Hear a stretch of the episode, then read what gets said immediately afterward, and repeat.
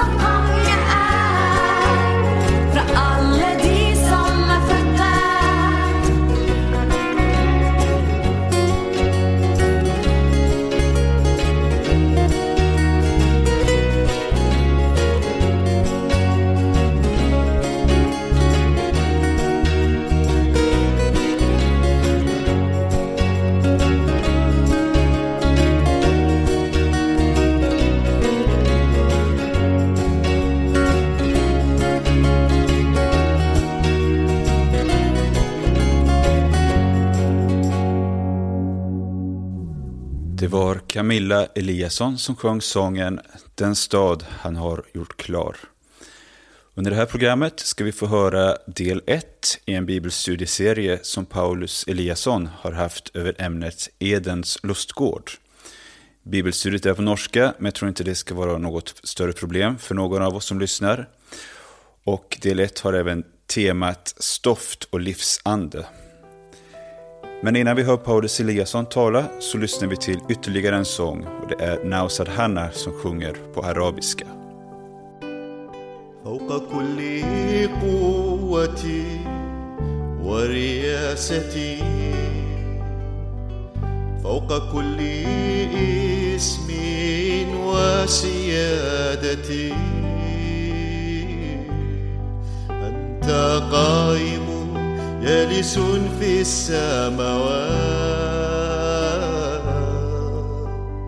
نخضع لك كل الأشياء. مستحيل أن تأخذ المجد. قدرة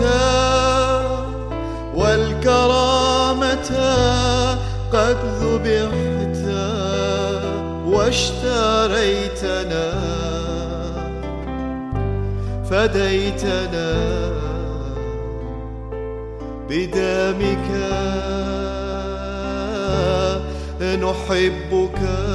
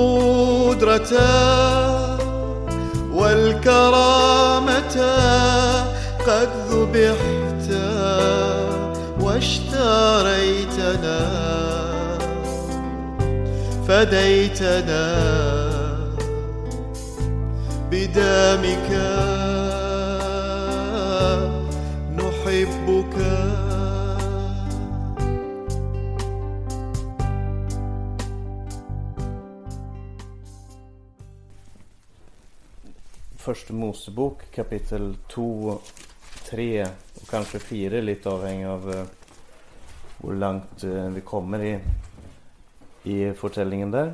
Men eh, jag har läst den här texten. Det har säkert, alla här har säkert läst den här texten många gånger. Genesis begynnelsen, de första kapitlen där. Eh, och man ser ju att det är en, en, en eh, väldigt betydelsefull berättelse för hela den kristna troen.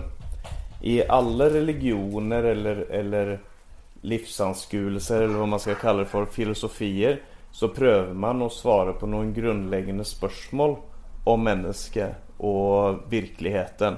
Och det är för exempel, var kommer allt ifrån? Eh, det, det må man kunna svara på, eller man må Hvordan man svarar på det kommer till att forma hur man lever sitt liv. Vad är ett människa? Eh, varför är vi här? Är det någon hänsikt med att vi är här på jorden? Eh, vad är det som har gått galt? Eller vad är, vad är grunden till att det är så mycket galt i världen? För alla är klara över att det är mycket ondskap i världen. Och vad är måten, vad är lösningen? Hur kommer man till rätta med det som har gått eh, galt i eh, världen? Och eh, Bibeln består av nästan 2000 kapitler. 1989 kapitler är det i Bibeln. Och allerede i de tre första kapitlen så får vi Bibelns svar på dessa grundläggande spörsmål. Det syns jag är lite intressant. Att Bibeln börjar med på en så kraftfull eh, och, och eh, omfattande och grundig måte att svara på alla dessa spörsmålen. Vi hamnar inte i, i eh, långa utläggningar men de första kapitlen är verkligen kraftfulla och, och svara på dessa spörsmålen. Var kommer vi ifrån? Vad är ett människa? Och så vidare. Eh, och det jag hade tänkt att vi skulle se speciellt på idag är eh, synen på människa. Det som kallas för inför eh, eh, vetenskapen kallas det för antropologi. Antropos betyder människa och logi betyder läran om. Alltså läran om människa. Och vad säger Bibeln i eh, framförallt vers eh, i Första Mosebok kapitel 2 vers 7 om eh, vad människa är. Det här är alltså första gången om vi börjar att läsa Bibeln i, i Genesis, i Första Mosebok, så är det här den första informationen som vi får om människor bortsett från det som vi möter i kapitel 1, vers 26 till 31. Där Gud säger la och skapar människa i vårt bilde. Och han skapar människor i sitt bilde till man och kvinna skapade han dem. Eh, men jag, jag, ska faktiskt icke gå in på det som står där i, i eh, eh Första Mosebok kapitel 1. Rätt och slätt för det att det blir för omfattande, det blir för mycket. Det får höra till ett annat bibelstudium. Och eh, det som står i kapitel 1 och fram till kapitel 2, vers 3 Det är ett lite annat perspektiv på skapelsen och på människan än det jag tänkte att fokusera på. Eh, och så eh, i kapitel eh, 1 så, så presenteras människor som regenter över jorden. Det är konge och dronning rätt och slätt. Adam och Eva eller de första människorna, mannen och kvinnan som Gud skapar. Blir satt på jorden till att härska över jorden, till att lägga den under sig, till att eh, vara regenter på jorden. Eh, det är skapt i Guds bilde, alltså ett avbilde från Gud. Men eh, i eh, kapitel 2 från vers 4 så börjar det som teologer kallar för den andra skapelsesberättningen. Eh, och det hörs väldigt kontroversiellt ut för vi syns att det är ju en, en fortelling. Det är en fortelling om, om människa och, och skapelsen. Och eh, det är sant, det är inte två fortellinger som motsier varandra. Men det är två fortellinger som forteller eh, Det är lite som ett vändiagram där de här två berättelserna går in i varandra. Men de är inte helt överdäckande av varandra. Det första kapitlet talar mycket mer om, om Eh, Eh, kosmos, om de stora tingen, om hela jorden, om universum. Eh, och Gud som en allmäktig skaper av hela universum. Där människan till slut kommer på banan som skapelsens krona eller skapelsens mål. Det som det hela ska nå fram till. Och så sabbaten, vilen, som eh presenteras i, i kapitel 2, de första verserna där. Eh, och, mens i, i, eh, och där i första kapitlet så presenteras Gud också som, där brukas namnet Gud, alltså på hebraisk Elohim. Eh, och mens i kapitel 2 så talas det om Herren Gud, alltså Jahve Elohim. Jahve Elohim. Eh, så i kapitel 1 är det en allmäktig Gud som skapar universum. Men i kapitel 2 är det eh, Gud som skapar en hage. Och det kan synas som att det är liksom väldiga eh, väldiga störrelsesforskjeller mellan att skapa himmel och jord och stjärnor och sol och måne och allt som är och att skapa en hage. Men det visar också vad slags Gud vi har och vad Gud har för hänsikt med sin skapelse. Eh, bägge historierna är sanna och de är inte motstridiga på någon som helst måte men samtidigt så ska jag försöka att sammanföra dem och förklara dem utifrån eh, alltså med hjälp av astronomi eller fysik eller eller eh, människans genetik och så vidare. Jag ska inte pröva att sammanföra det här med vetenskapen för jag tror inte att den här texten blev skrivet som en vetenskapsbok. Jag tror att den blev skrivet för att lära oss något om Gud och människa.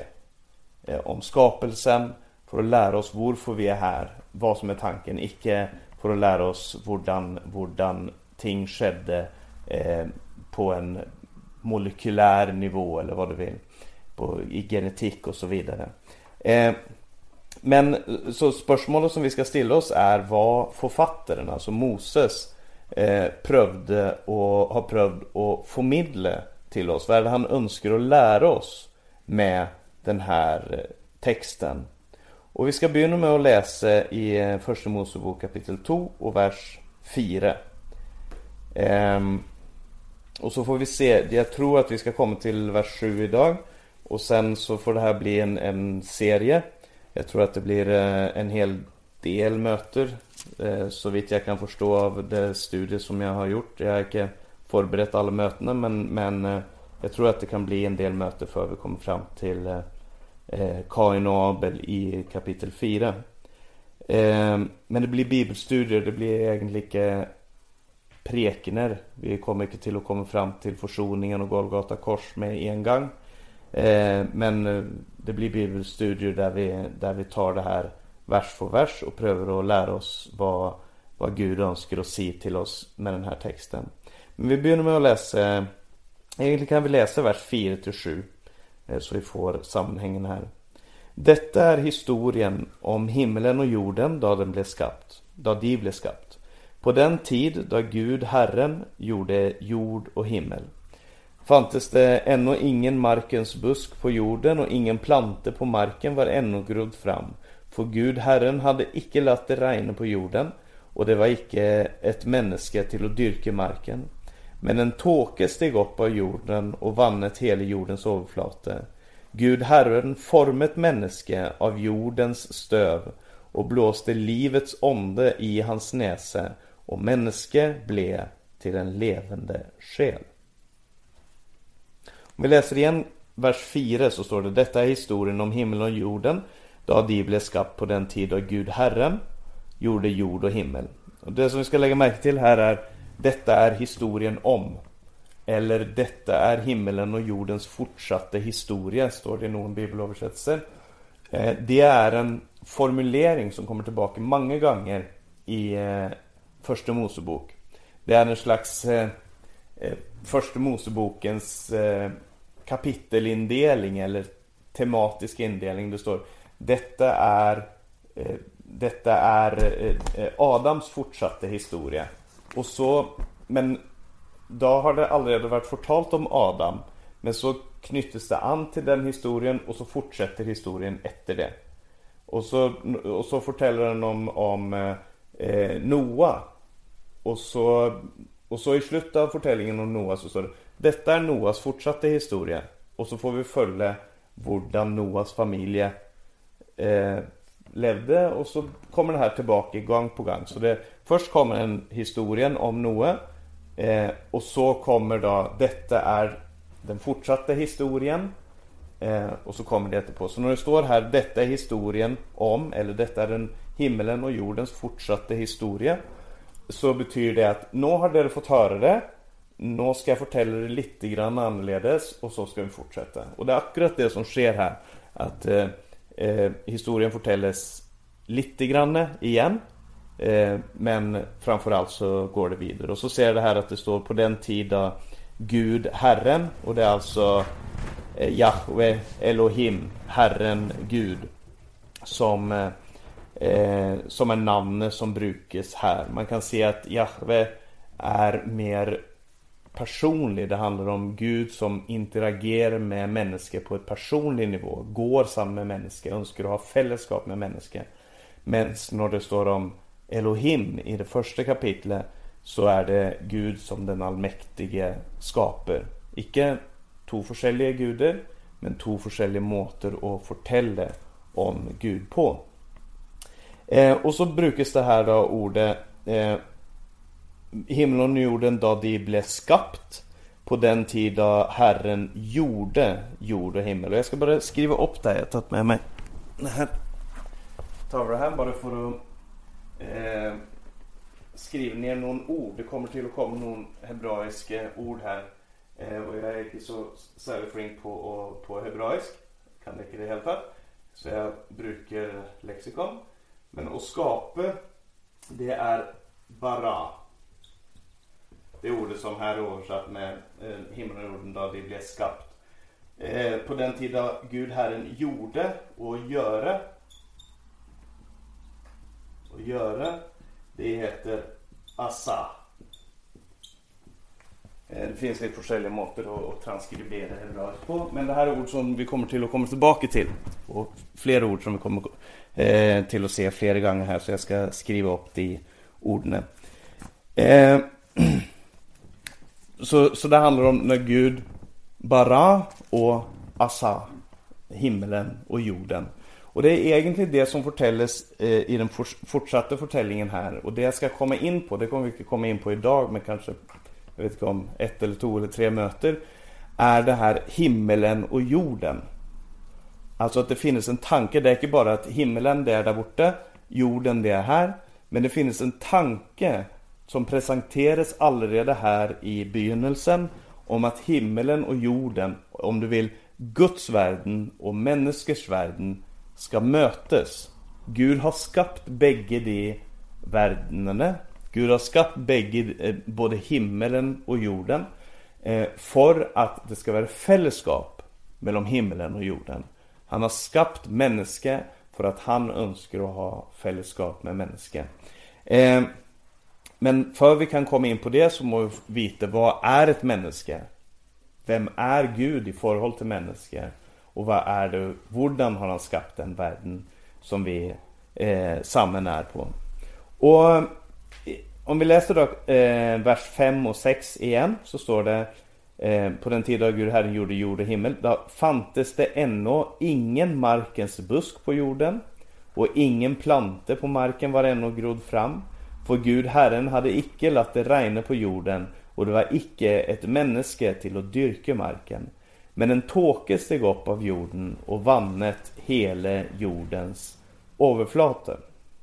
Här brukar han alltså, här brukar eh, Moses eh, negativa termer för att beskriva vad som var på, på jorden. Han säger det var ingen markens busk, ingen plante. Eh, han hade icke latt det regna och det var icke ett människa till att dyrka marken.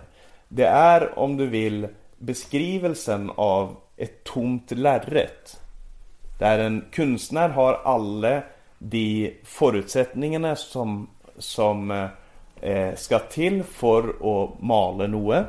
Men fortsatt så är det helt vitt. Det har inte skett någonting. Det är, det är eh, eh ingen busk, det är ingen träd det är ingenting och noventer väntar skapelsen. Det finns ett potential för Gud har i allerede i kapitel 1 så har han skapat världen.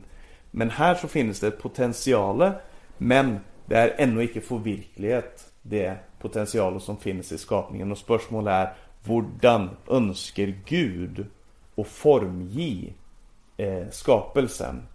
Gud hade inte latt det regna på jorden och det var icke ett människa till att dyrka marken. Alltså Gud och människa är de som ger mening till de tingen som är. Eh, alltså för, för, eller utan Gud och människa så är, om vi har ett univers utan Gud och utan människa så är det ett meningslöst univers. Och det är ateismens stora dilemma och stora problem. Att man kan icke skapa mening utan Gud. Utan, utan ett intellekt, utan en designer, utan en som har tänkt så finns det ingen mening. Alltså, för att ta ett kämpeenkelt bild, visst ett litet barn går till sandkassen och sätter sig ner där och så plockar samman någon pinne och någon steiner och så ser, och så ser barnen Det här är ett hus. Och här är mamman och här är pappan och här är en hund och så tar de kongler och de tar pinnar och de tar steiner. Så helt plötsligt så är de Steinerne ett hus. Det var steiner utan hänsikt. Men i den leken som barnet skapar där och då så blir det ett hus, så blir det ett hem, så blir det människor, så blir det... Alltså när man. När någon som är bevisst definierar en ting, då blir den det. Eh, och det är viktigt att tänka på för det att utan Gud och utan människa så så betyder inte ting någonting. Utan Gud så, så är vi stjärnestöv och ingenting mer än det. Utan Gud så är vi eh, så är det ingen mening. Men med en gång som Gud träder in och säger Detta är detta, här är ting, detta är ting. Då blir det de tingen. Och det är det som, som sker i i kapitel 2. Det är det som skedde i kapitel 1 också. Han satte det stora lyset till att råda över dagen. Han satte det lilla lyset till att råda över natten.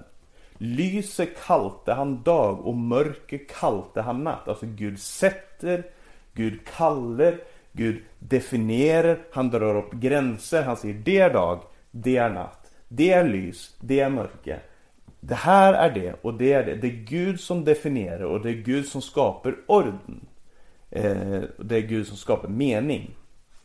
Utan orden är det ingen mening om vilket vi kan skilja. Alltså det är forskel mellan mig och, och dig.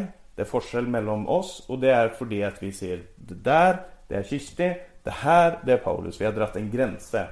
Eh, hvis, hvis eh, man inte hade någon måte att om man inte hade uttalat det, om man inte hade någon mått att definiera det så hade, vi, så hade man inte kunnat se att eh, det var två olika ting. Eller två olika personer. Eh, det är det som Gud gör eh, och det är det som skapar mening. Så utan Gud och utan Adam så är världen tom och, och formlös, akkurat som det står i Första Mosebok 1 och 1. I begynnelsen skapade Gud himmel och jord och jorden var öde och tom. Den var formlös. Den var, eh, den var eh, eh meningslös helt enkelt. Men det är ett tomt lärret som Gud begynner att arbeta med. Gud sa och det skedde. Eh, och så kommer vi fram till vers 7 och det här jag tänkte att vi skulle uppehålla oss en liten stund. Eh, I vers 7 så står det Men Herren formet människa av jordens stöv och blåste livets onde i hans näse och människa blev till en levande själ. Så spörsmålet är vad är människa och vad är Gud? Och det första vi får lära oss om Gud är att han är, det ska jag ta och skriva upp här också. För det är, kommer vi komma tillbaka till. Eh, han, det här är väl verbet då. Yatsar Yatsar är ordet som brukas för att forma. Gud former. Och yatsar, det är det ordet som, som, som oftast är brukt för att tala om pottemakare. För exempel i första krönikeboken 4 och 23 så står det att disse var yatsar. Disse, och det är alltid översatt med disse var pottemakare. Det är en släktshistoria, vi tänker inte läsa den nu. Men det står om någon person, och så står Disse var jatsar, de var formare, formgivare och då, det var det ordet som blev brukt om pottemakare. Så i vers 7 så beskrivs Gud som en pottemakare, som en, en keramiker. Eh, och han, han, eh, eh han är den som formar människa av stöd. Och att Gud är formgivaren, designeren av människor. Att han är pottemakaren. Han som är Yatsar. Det är viktigt. Eh, jag vet inte när Moses skrev ner det här. Om han hade dessa ting i tankarna. Om han skrev det efter Sinai. Jag vill tro att han skrev det efter att han hade varit uppe på Sinai. Eh, där han kom ner igen från, från fjället, han hade fått en uppenbaring ifrån Gud och han skrev ner dessa ting. För det att det här passar väldigt gott samman med det som Moses får se första gången han kommer ner från fjället då eh, folket dansar kring en guldkalv. Och vi ska gå dit i Andra Mosebok 32. Andra Mosebok, det 32 kapitlet. Vi känner till den här sammanhangen där, där Moses kommer ner ifrån fjället. Han har tagit emot eh, steintavlorna ifrån Gud med de tio bud. Och han eh, eh, ska tala till folket där. Och så, och så står det, men då folket så att Moses eh, drygde med att komma ner från fjället, det är från första versen. Samlet, samlet folket sig om Aron och sa till honom Kom, lag en gud för oss. Och det är eh, Asa, en gud. Lag en gud för oss. Kom och lag en gud. Alltså eh, Aron, Asa, en gud. Detta är himlen och jordens fortsatta historia. Där Gud hade Asa, där Gud hade skapat den. Men här är det Aron som skapar en gud. Och så står det En som kan dra föran oss för denne Moses, vis. han som förte oss upp från landet i Egypt, vi vet inte vad som har blivit, blivit av han. Då tar de sina guldringar och så står det i det fjärde verset Han tog emot guldet och stöpte det om och laget det med mejseln till en kalv. Och här är det ordet stöpte. Eh, andra har formet eller laget. Det är verbet jatsar. Han eh, formgade. Han formet ett, en gud efter bildet till Noes skapt, nämligen kalv. Idag så pratar folk, det här är ju, alltså han tänker sig att han lagar ett bilde av Jave, av Herren Gud. Eh, han tänker sig att han lagar ett bild av, av något annat. Eh, ofta när folk pratar idag så ser de att ja, det föreställer Gud som en, som en eh, gammal man med skägg uppe i himlen. Det är uppenbart icke Arons bilder. Han tänkte sig att Gud var en kalv. Ett eh, fruktbarhetssymbol. Rätt och slett. Det var bild som han hade skapat sig i sitt hode av Jave. Och denne eh, Så han, han skapar och han formar en gud efter sitt bilde. Och jag tror att Moses har som intention när han fortäller historien eh, om människors skapelse så säger han det är Gud som är pottermakaren. Det är Gud som skapar. Det är Gud som formger. Det här är själva ursynden om du vill. En judisk rabbiner han, hade, han sa det som så att alla de ting som har rammet Israel eh, Det här var utifrån hans förståelse då, så sa han så att alla de ting som har rammet Israel som av, av straff, eländighet, hopplöshet och så vidare har till en viss del att göra med det som skedde den dagen. Då man dansat kring guldkalven och sa här är din gud som har fört dig upp från Egypt. Det var det stora otroskapen emot Gud som man hade akkurat lovat troskap. Eh, det här är ursynden för det att det handlar om att ha andra gudar än Gud. Det handlar om att ödelägga relationen till, eh, till Gud. Och näckte han platsen som formgiver och istället sätter sig själv som den som formar Gud. Vi formar Gud efter vårt bilde. Men i psalm 139, om vi går dit. Eh, den 139 salmen, den här välkända salmen om, om jag farer upp i himlen, om jag går ner i dödsriket och så vidare. Eh, så eh, presenterar här David en Gud som är helt suverän i allt han gör. Han är allestädes närvarande, han vet allting. Du rannsakar mig, du känner mig. Du, du bakfra och förfra omger du mig, du lägger din hand på mig. Eh, och han säger sån i det trettonde verset. Du har skapt mina nyrer. Du formet mig i min mors liv. Jag prisar dig för det jag är virket på förfärlig och underfull vis. Underfulla är dina gärningar, det vet min själ så väl. Mina ben var icke skjult för dig då jag blev virket i lundom, då jag blev formet så kunstfärdig i jordens dyp. Då jag bara var ett foster så dina ögon mig, i din bok blev de alla uppskrevet, de dagarna som blev fastsatt, då icke en av dem var kommet. Hur dyrbara dina tankar är för mig Gud, hur väldig är summen av dem. Och här brukar han faktiskt verbet jatsar som det kan, säkert kan heta Men det kan, man kanske icke kan heta är att han brukar det när han ser om dagarna som blev fastsatt. Där icke en av dem var kommet, alltså dagarna som var formet, jatsar. Eh, för någon av dem var kommet. Gud har formet människa och han har formet människans dagar. Han är pottermakaren som formar hela verkligheten. Han är suverän i sin, eh, i sin design av både världen, av människa och av människets dagar. Han som kallar änden ifrån begynnelsen. Eh, och i Jesaja 43 kan vi också läsa det här, de här uttrycken igen. I Jesajas boks 43 kapitel.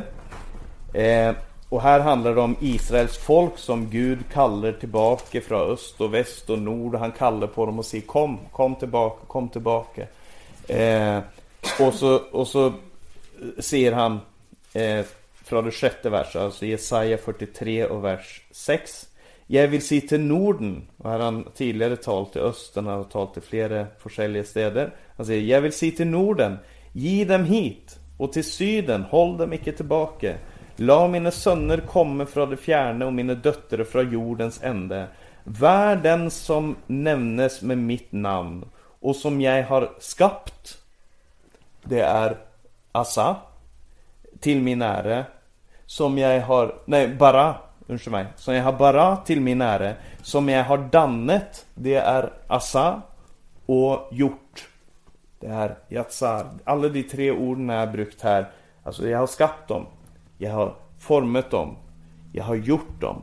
De är mina. Och det är därför som Gud kan kalla på dem. Det är därför Gud har rätt till att kalla på sitt folk. För det han har format dem, för det han har skapat dem, för det han har gjort dem. För det han är den som sätter dem där de ska vara. Eh, det är, det är eh, tror jag, tanken i den här texten. Gud eh, är den som skapar. Och det är därför som vi har detta förhållande till Gud. Och Adam, han skap, är skapt, om vi går tillbaka till första Mosebok 2 så står det För Herren Gud formet människet Det är på, på hebraisk Adam. Eh, Det är alltså namnet. Adam betyder människa eh, Han formade av jordens stöv. Jordens det är Adama. Så han Adam betyder om du vill jordboer eh, en den som hör jorden till, eller jordens jordmannen. Alltså, han, han hör till jorden, han är skapt av jorden. Eh, det, det hebraiska ordet för stöv är afar. Kanske jag ska skriva upp den där så vi får en massa. Jag beklagar att det blir lite, det blir lite långt idag, men sån är det. Hoppas att det inte är alltför kedligt. Afar, det är stöv. Eller mull står det väl i 1930-översättelsen tror jag. Eh, och så är det Adam. Som är människa. Och Adama. Som är jord.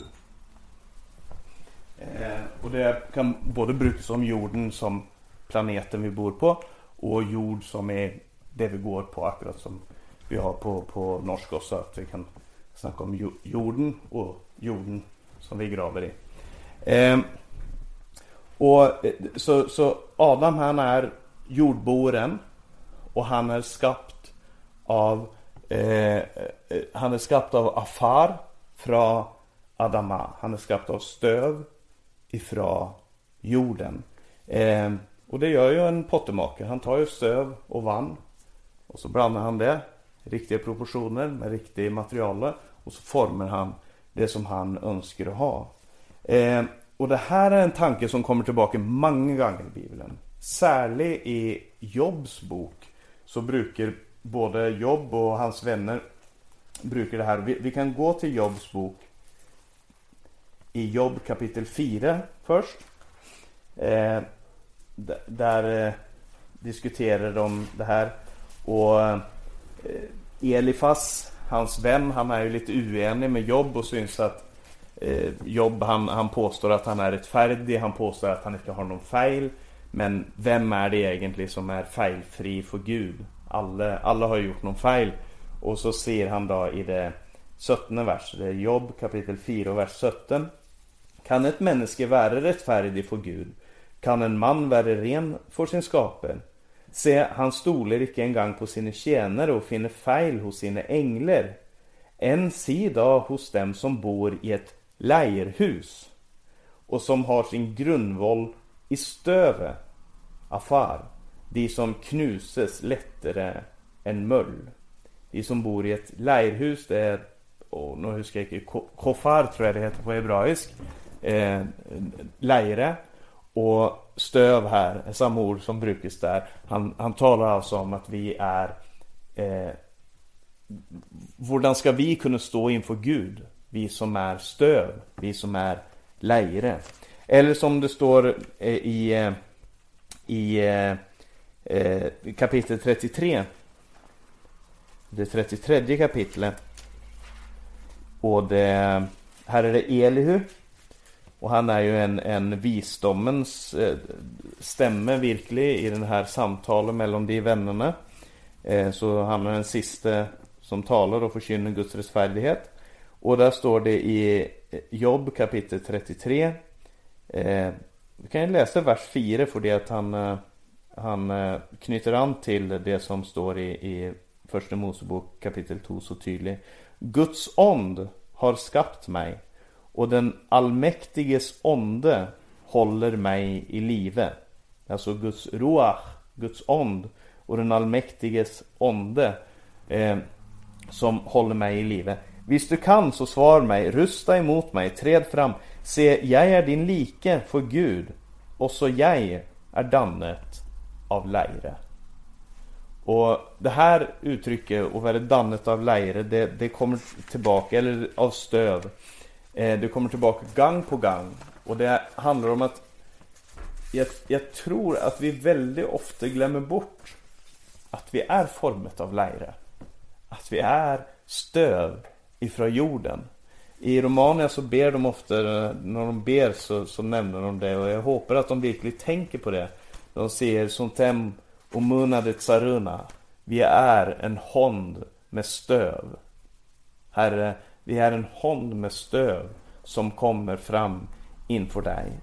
Eh, och det är en eh, Det är en förståelse av att vi är bräckliga, att vi är svaga, att vi inte har något att komma med inför Gud. Det är en förståelse av att vi hör jorden till. Men det är också en förståelse av att vi kan bli formet, hvis Gud får tag i oss. I Jesaja 64 så står det, vi ska läsa det också i Jesaja kapitel 64. Eh, och i det sjuende verset där. Eh, och här är en bön om att Herren ska komma, att han ska förändra situationen. Och så står det i det sjunde verset. Men, nå Herre, du är vår far. Vi är lejre och du är den som formar oss. Ett verk av din hand är vi allesammen. Men nå Herre. Så först den här bönen om att Gud ska komma in och, och, och, och vi, vi är urena, vi är svaga. Men Herre, ja vi är lägre, det är sant. Men du är den som jatsar. Du är pottemakaren, du är keramikern som lägger oss på skivan och som formar oss igen. Det är, eh, det är en anerkännelse av ringhet, av svaghet, av avhängighet och av flyktighet i människans liv. Men det är också en anerkännelse av att, men Gud, du är pottemakaren. Om du är pottemakaren, då kan jag vara lärare. Om du är pottemakaren Gud, då, då är lärare en väldigt god ting att vara. För Gud kan forma. Och hade vi, hade vi nog gått in i evangeliet så kunde vi ha sett hur Bibeln talar om i, för exempel i, eh, i Malaki och flera andra städer så, så, så, står det Vi är ju alla stöv. Varför ödelägger vi då varandra? Vi är ju alla den samma leire. Varför handlar vi urätt emot varandra? Och det är det som är människans problem. Det är det som är den här synden. Vi är, vi är ju alla av detsamma. Men varför må vi behandla varandra på så fel måte? Och så kommer Gud. Och Gud själv blir människa. Gud själv tar formen av den här leiren. För att vinna, för att förlösa människor ifrån den eh, hopplösa situationen när man har gjort upprör emot pottemakaren och format sig egna gudar i sitt eget bilde. Men vi, vi ska inte gå helt för jag vill få med lite grann mer här. Eh, så vi är av jorden och vi hör jorden till. Men det är nog mer i den här texten i första Mosebok 2. För det står, eh, vi är inte bara jord och mull, vi är inte bara stöv. För det står Gud Herren formade ett människa av jordens stöv och blåste livets onde i hans näse och människa blev till en levande själ. Jag har akkurat nu läst en bok av en man som heter Terje Stordalen. Han är eh, teolog på universitetet i Oslo. Och han eh, har skrivit en bok som handlar om Gamla Testamentets syn på människa. Alltså hur presenterar Gamla Testamentet människa. Och den boken heter Stöv och livspust. Stöv och livspust. Och det tror jag är en väldigt god eh, formulering av vad människa är. Ja, vi är stöv och vi är eh, Gud har blåst in livets ond, eller livspust. Det är alltså inte ond som i 'roach' som i det grekiska pne, eh, eh, det, eh, det grekiska pneuma, eh, som handlar om onden. Men det är, det är, eh, eh, eh det är eh, ett annat ord som, som eh, handlar om att blåsa. Alltså bara konkret, han blåste in en pust av liv i människa. Och det vi blev då, och det ska vi också skriva upp där, sista ordet för idag. Det vi blev, då Gud blåste, alltså då Gud formet stövet och blåste in sin ånd, det är nefesh. Nefesh. Själ, liv. Det översätts lite försäljning. Här står det att det blir, blir till en levande själ. Andra översättelser säger ett levande väsen. Eh, ett, ett liv, rätt och slätt. Eh, levande, det är chai.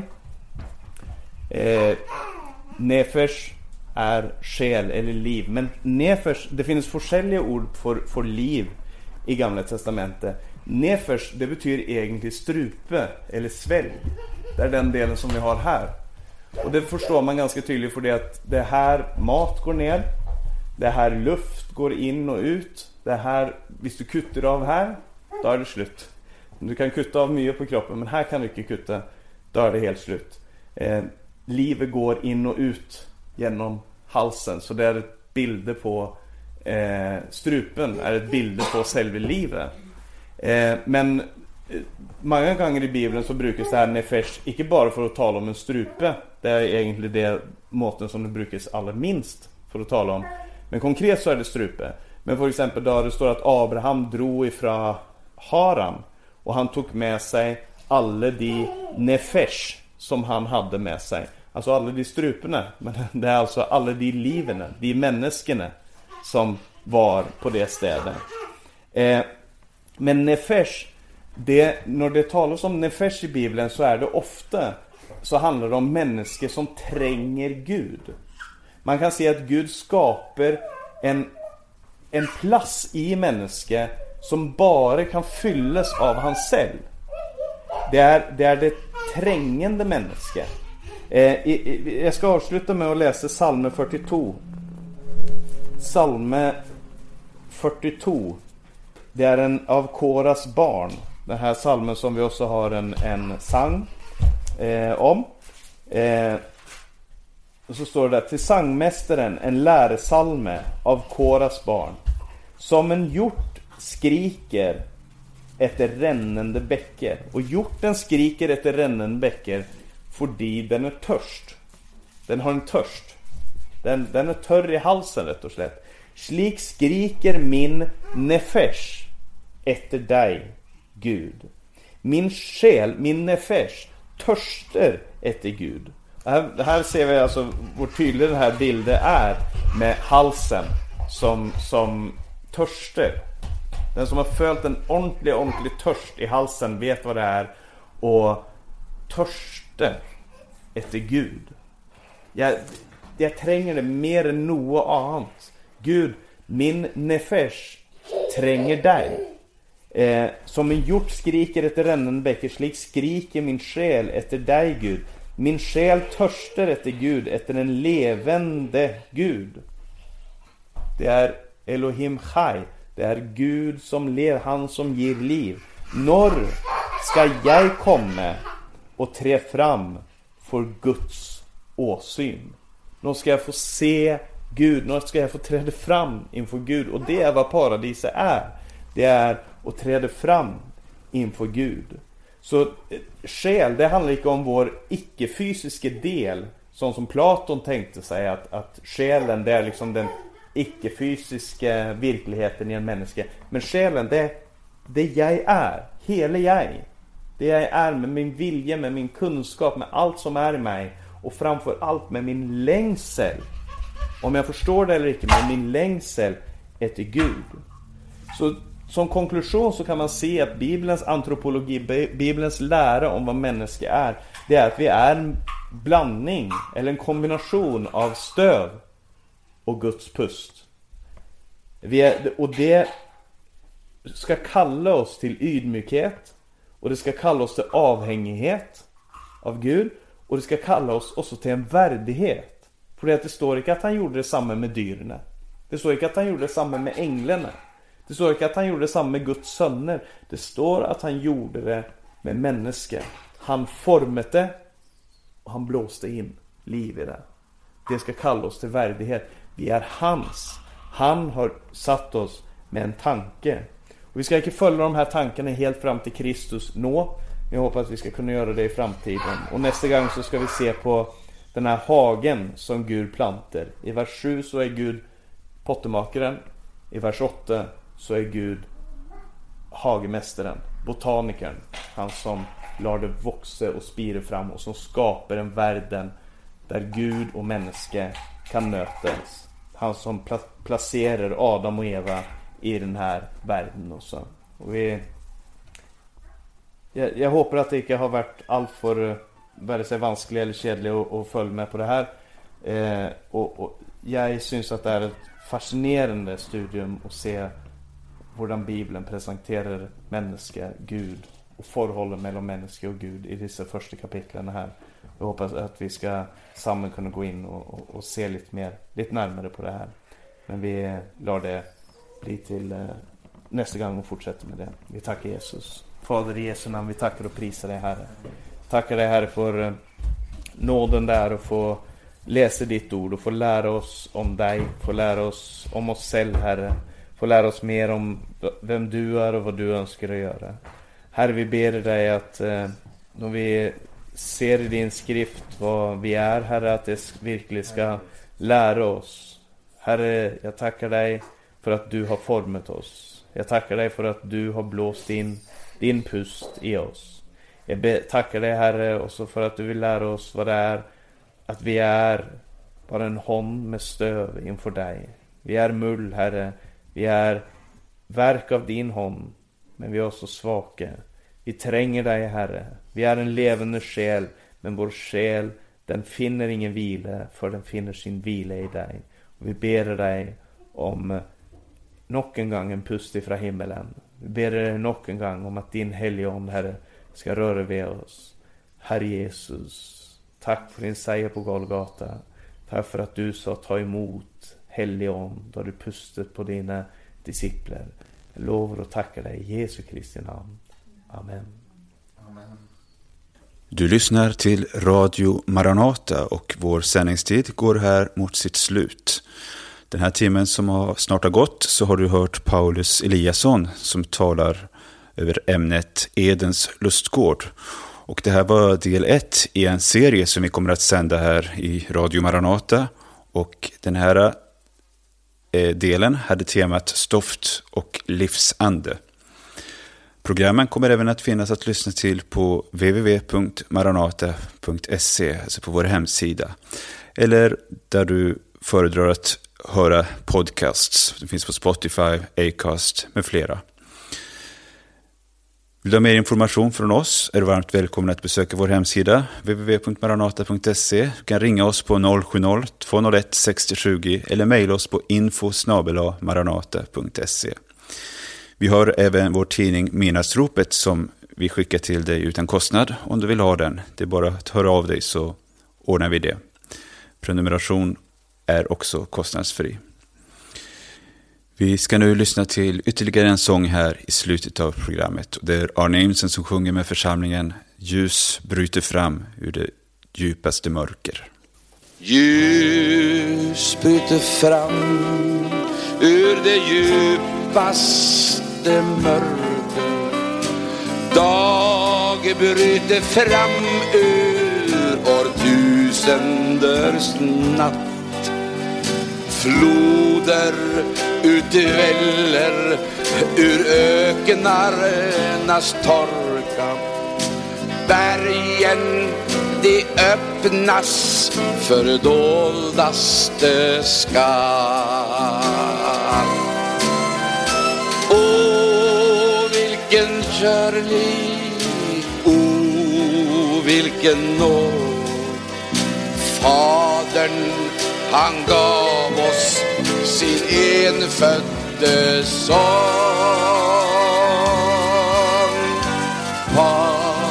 Paradiset som i blick han sådde växer nu upp en lustgård så skön.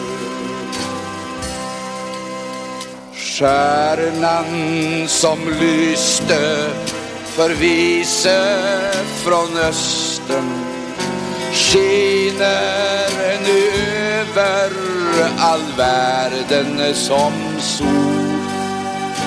Barnet som höjde i Betlehem rösten höres på jorden från polo till pol. Åh, vilken kärlighet, åh, vilken nåd. Fadern, han gav oss sin enfödde son.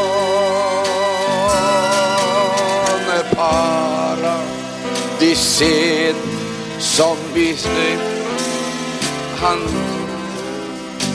växer nu upp till en lustgård så skön. Jesus som kom med det levande nya. Kristus vars härlighet vi nu har sett. Snart är den dag då han åter ska samla alla de utspridda barnen till ett.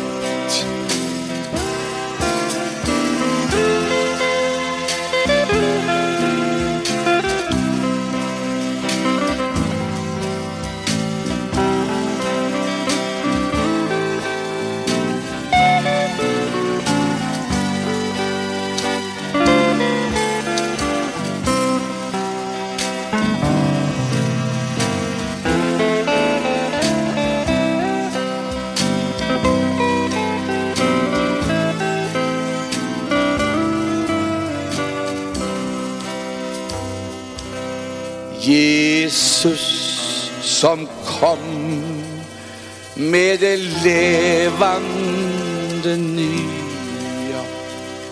Kristus vars härlighet vi nu har sett. Snart är den dag då han åter ska samla alla det utspridda Guds barn till er. Åh, vilken kärlek,